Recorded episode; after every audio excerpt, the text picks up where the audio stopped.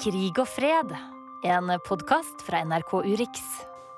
Hei, jeg heter Sigurd, Og jeg heter Tore. og vi skal lage denne podkasten som altså heter Krig og fred. Og Tore, aller først, krig og fred. Din idé. Hvorfor heter vi det?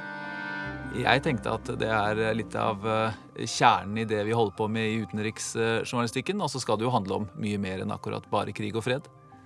Ifølge min sosiologfrue så kan alt kokes ned til harmoni eller konflikt. Ja, det er litt sånn. Men er det noe spesielt du kommer til å være opptatt av når vi skal lage disse podkastene utover høsten og, og vinteren? Nei, jeg er nysgjerrig, Per. da. Jeg har lyst til å prøve å ikke dekke overalt, men stoppe opp ved én sak i uka og spørre hva det egentlig er som foregår her. Hva, hva skjer, eh, og hvorfor skjer det? Eh, hva med deg?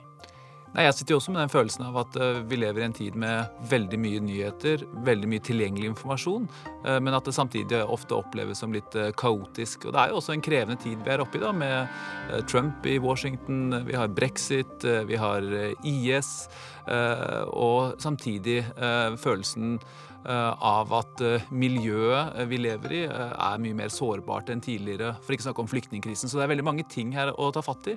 Og det håper jeg vi kan bruke denne podkasten litt eh, til. Og så må jeg innrømme at jeg har et lite håp om at vi av og til bare rett og slett kan fortelle noen gode historier som vi sitter på, da. Absolutt. Absolutt. Det jeg i hvert fall er sikker på, er at eh, torsdag morgen eh, klokka seks eh, lanserer vi Krig og fred, og det har vi også tenkt å gjøre eh, hele denne høsten og vinteren, og kanskje lenger enn det også, hvis vi får dette til å fungere. Og si gjerne fra til oss hvis det er noe du syns at vi bør se litt nærmere på.